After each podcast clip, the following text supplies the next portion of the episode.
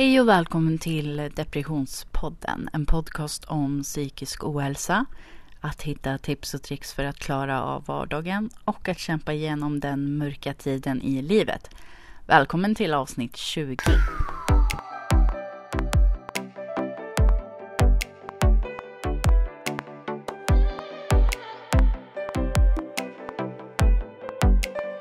Det var inte förra veckan utan det var veckan innan det som jag började att läsa ur min bok Vi klarar det tillsammans bara vi vågar.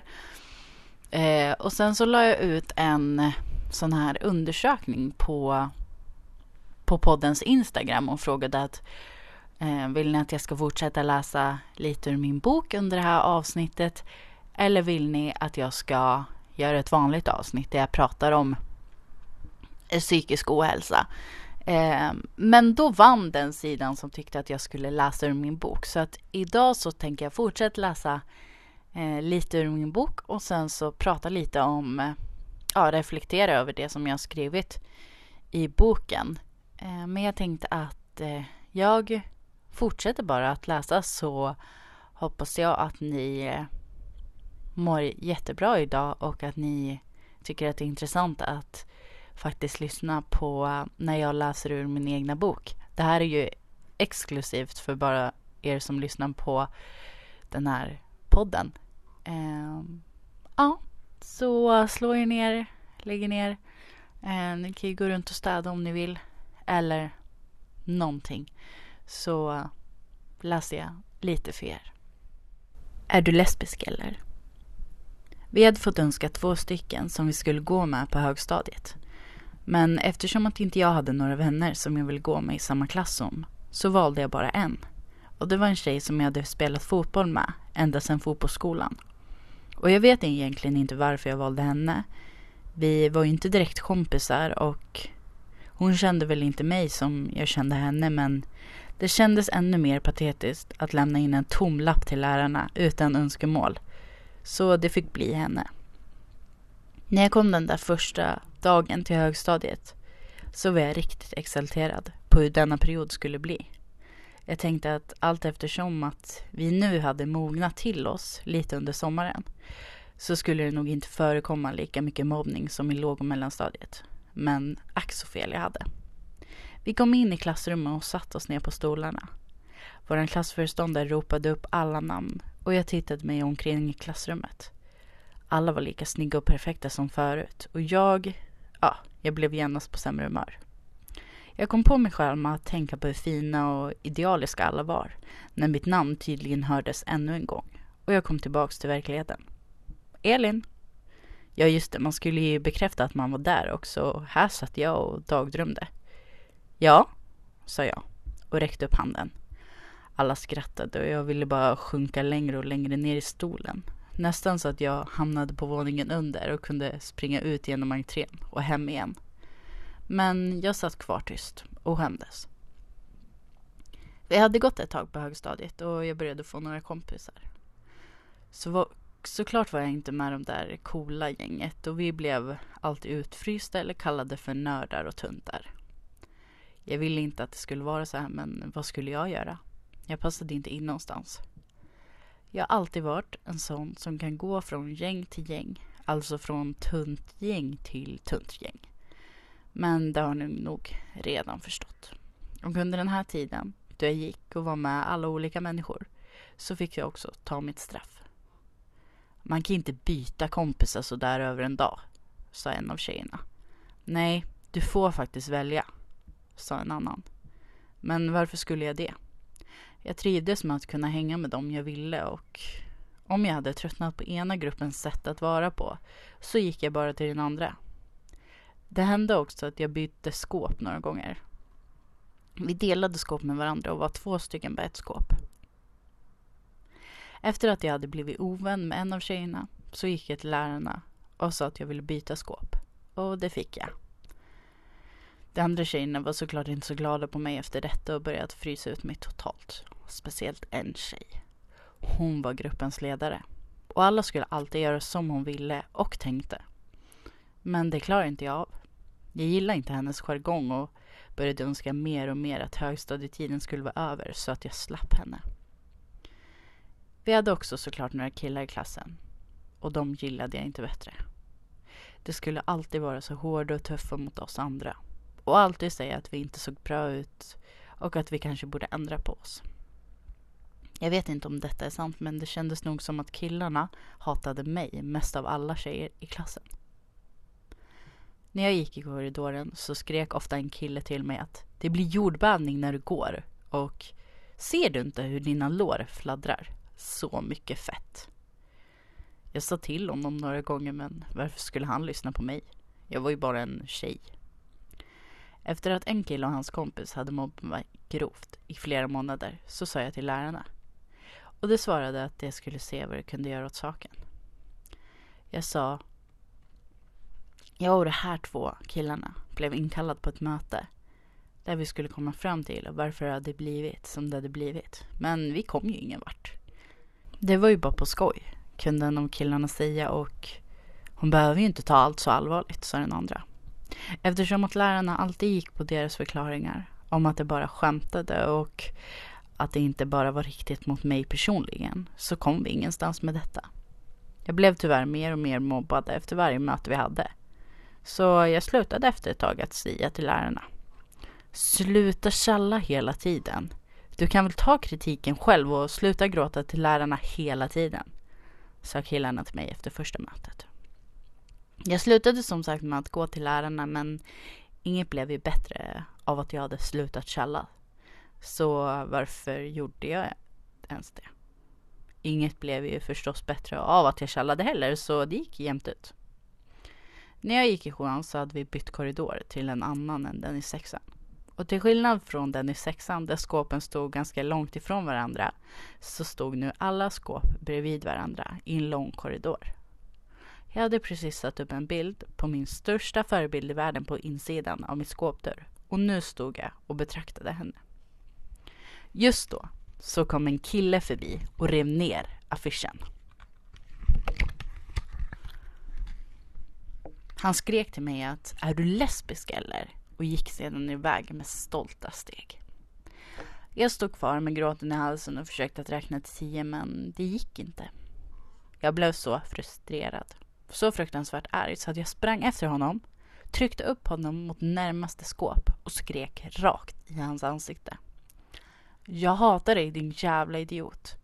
Vad fan håller du på med? Han blev helt vettskrämd sa förlåt flera och flera gånger och bad mig att släppa ner honom. Efter den här upplevelsen så var han tyst och var aldrig på mig igen. Det känns lite tråkigt att jag behövde bli så arg och frustrerad för att han skulle sluta att mobba mig. Men tydligen så var det enda som faktiskt funkade. Efter heldagar med mobbning, utfrysning så var jag bara så glad över att komma hem till mitt egna trygga hus. Jag kände att här kan jag äntligen få vara mig själv. Och här kommer ingen att göra någonting taskigt mot mig. När jag kom hem från skolan så sysslade jag med idrott. Jag spelade fotboll, gick på gymnastik och också på konståkning. Jag tyckte att det var en befrielse att sporta. Det var, där var jag inte med folk som gick i min klass utan där var det med folk som faktiskt tyckte att det vi gjorde var roligt. Jag sprang på planen, bytte lag några gånger, gjorde lite mål. Jag var inte bäst, knappast bra heller, men det som var det viktigaste för mig, det var att faktiskt komma bort från skolans värld. När jag började i åttan så hittade jag kyrkan. En dag när jag gick genom korridoren så såg jag två stycken som jag inte hade sett förut. Två vuxna män som jag genast fick ett gott intryck till. Konfirmation. Jag läste på planschen och visste vad det var men jag hade inte tänkt på att faktiskt konfirmera mig. Längre fram i boken så kommer jag berätta om hur Svenska kyrkan räddade mitt liv.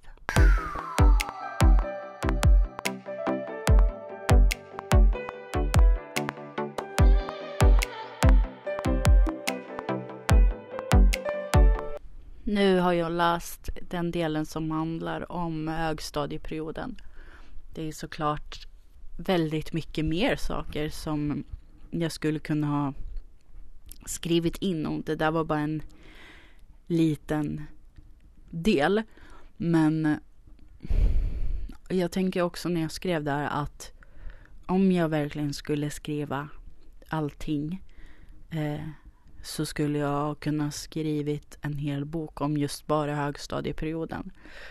För det var verkligen den som var den jobbigaste. Eh, oftast, alltså de bästa kompisarna som jag hade när jag gick i högstadiet, det var de som var yngre än mig. Eh, jag hade en, en kompis som hon hade bott granne med mig jättelänge. Inte den här kompisen som jag berättade om för två veckor sedan utan en annan kompis. Hon som bodde granne, granne med mig. Eh, vi var jättemycket, jag är uppväxt med henne. Eh, hon är två år yngre än mig. Eh, så att ja, jag kommer inte ihåg om jag var så mycket med henne just i skolan. Jag tror inte det, för att hon var ganska mycket med andra folk i skolan. Men vi var väldigt mycket på fritiden. Eh, och också under hela högstadieperioden eh, så hängde jag väldigt mycket på fritidsgården. Fritidsgården låg på skolan. Eh, låg på mitt högstadie. Eh, men jag kände, även fast högstadiet var den värsta perioden i mitt liv, även fast fritidsgården låg på mitt hö högstadium, så kunde jag faktiskt vara mig själv på fritidsgården. På fritidsgården så jobbade det två stycken, ibland tre stycken eh, män. Eh, de här männen fick jag så bra kontakt med.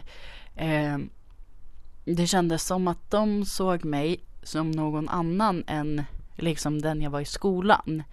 Eh, de märkte att jag var väldigt driven, jag var väldigt social, väldigt aktiv och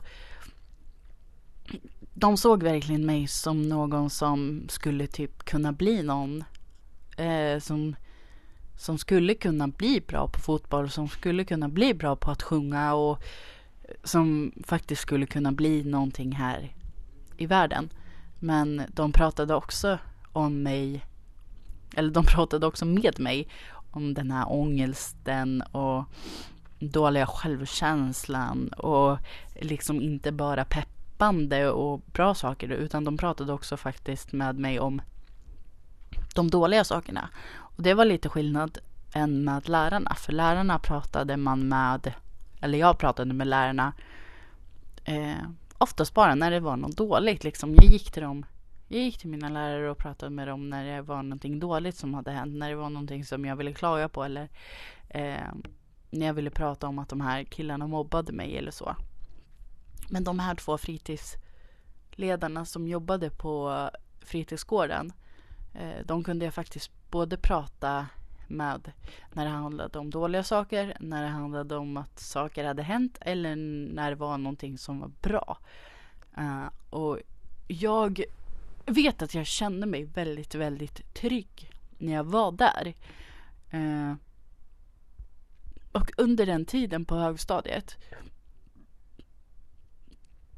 förlåt.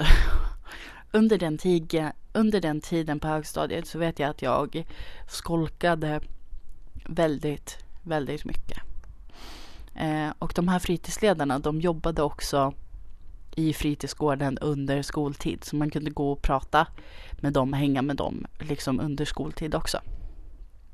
Så att när ingen hade röst och jag egentligen hade lektion och när jag skolkade så kunde jag gå till fritidsgården, eh, och hänga med dem. Eh, de frågade mig aldrig varför jag inte var, var på lektion. De gjorde liksom inte sånt. Eh, vem som helst kunde typ komma till dem och de frågade inte varför man inte var på lektion. Eh, de kanske gjorde det liksom de första gångerna men när de väl hade lärt känna en när de väl visste varför inte just jag var på eh, mina lektioner så frågade de inte mer. Men jag kände inte att jag missade så mycket under min högstadietid ändå. under de här dagarna, eh, under de här vissa lektionerna som jag faktiskt skolkade för att jag lärde mig så mycket om både mig själv och om världen när jag satt och pratade med de här männen i, i vad heter det, eh, på fritidsgården. Eh. Och på kvällarna när fritidsgården var öppen så hade vi allt ifrån liksom pizzakvällar, karaokekvällar och massa sådana saker. Och det var faktiskt också de här tre männen som gjorde så att jag jag tror att det faktiskt var de som gjorde så att jag vågade sjunga för folk som och alla ni som som eh, känner mig och vet vilka de här männen som jag pratar om eh, vilken fritidsgård jag pratar om vet vilka män jag pratar om. Och jag kan bara säga så här att när jag gick eh, i sjuan, åttan, nian så tyckte jag att de här männen var mycket mer alltså lugna, coola. De är jag tycker att de har förändrats, men jag tror också att det är för att högstadiet nu i Sura har förändrats. Jag tror att högstadiet i Sura nu har förändrats så mycket, eh, har blivit bråkigare än vad det var när jag gick i skolan. Så att de har fått tagit mer ansvar. Eh, och fokuserat mycket på de här bråkstakarna och de har börjat blivit de här uh, taskiga personerna som liksom säger till bråkstakarna typ. Medan när jag gick på högstadiet så var de här männen de som aldrig var taskiga mot bråkstakarna utan de pratade med dem och sa ah, varför gör du så där? Och är det någonting du vill prata om som gör att du är arg, som gör att du vill slåss, som gör att du vill skolka? Eh, och rätta mig om jag har fel nu, eller det kan det inte just nu, men det känns som att skolan har blivit mycket mer bråkigare och att de här eh, männen som jobbar på fritidsgården har, eh, har typ mer ansvar och känner sig kanske mer stressade kring att det är bråkigt jämfört med när jag var eh, yngre och jämfört med när jag gick på högstadiet. Jag tycker att det är jättesynd för att jag jag tyckte när jag gick i sexan, sjuan, åttan, nian att de var så trygga att prata med. Det var, de var så liksom coola och det var så chill att prata med dem och nej men det fungerade verkligen för mig. Uh, ja.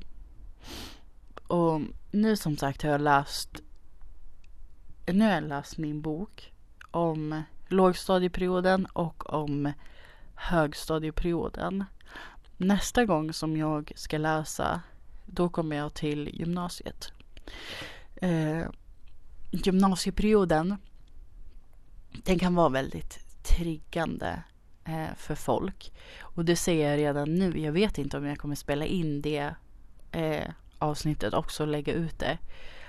Eh, det blir antingen i så fall nästa vecka som är det sista avsnittet för den här säsongen. För att veckan efter det eh, då är det ett uppehåll. Så det här är näst sista avsnittet av den här säsongen. Nästa vecka är sista avsnittet av den här säsongen. Eh, och då kanske, jag, då kanske jag kan blanda lite. Då kanske jag kan läsa min bok samtidigt som jag pratar med någon gäst. Eh, jag kanske kan prata med Stina då för att jag tror att hon kommer att hälsa på mig. Så att Mm. Får se lite hur det blir. Men nästa avsnitt som sagt är den sista avsnittet för den här säsongen. Eh, och sen är den här säsongen slut och då har det redan gått 21 avsnitt av Depressionspodden. Jag har redan haft 21 avsnitt av den här podden och det känns verkligen inte som att det har gått så snabbt. För att jag började med den här podden i, vad var det, eh, september, oktober. Mm, någonstans där. Oktober var det väl. Eh, och nu är jag redan på avsnitt 21 nästa vecka är jag redan på avsnitt 21. Eh, jag tycker det är så coolt och jag vet vilka ni är som lyssnar. Jag vet vilka eh, och jag vet också att ni som lyssnar behöver lyssna. Eh, och att om det är något speciellt avsnitt som ni tycker är liksom extra bra, som ni tycker att jag pratar om något extra så liksom dela det med era vänner.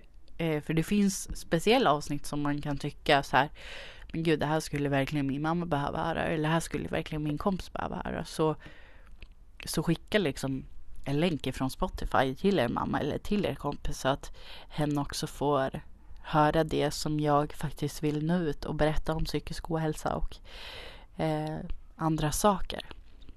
Men som sagt, eh, säsong fyra som kommer, eller är det här säsong fyra?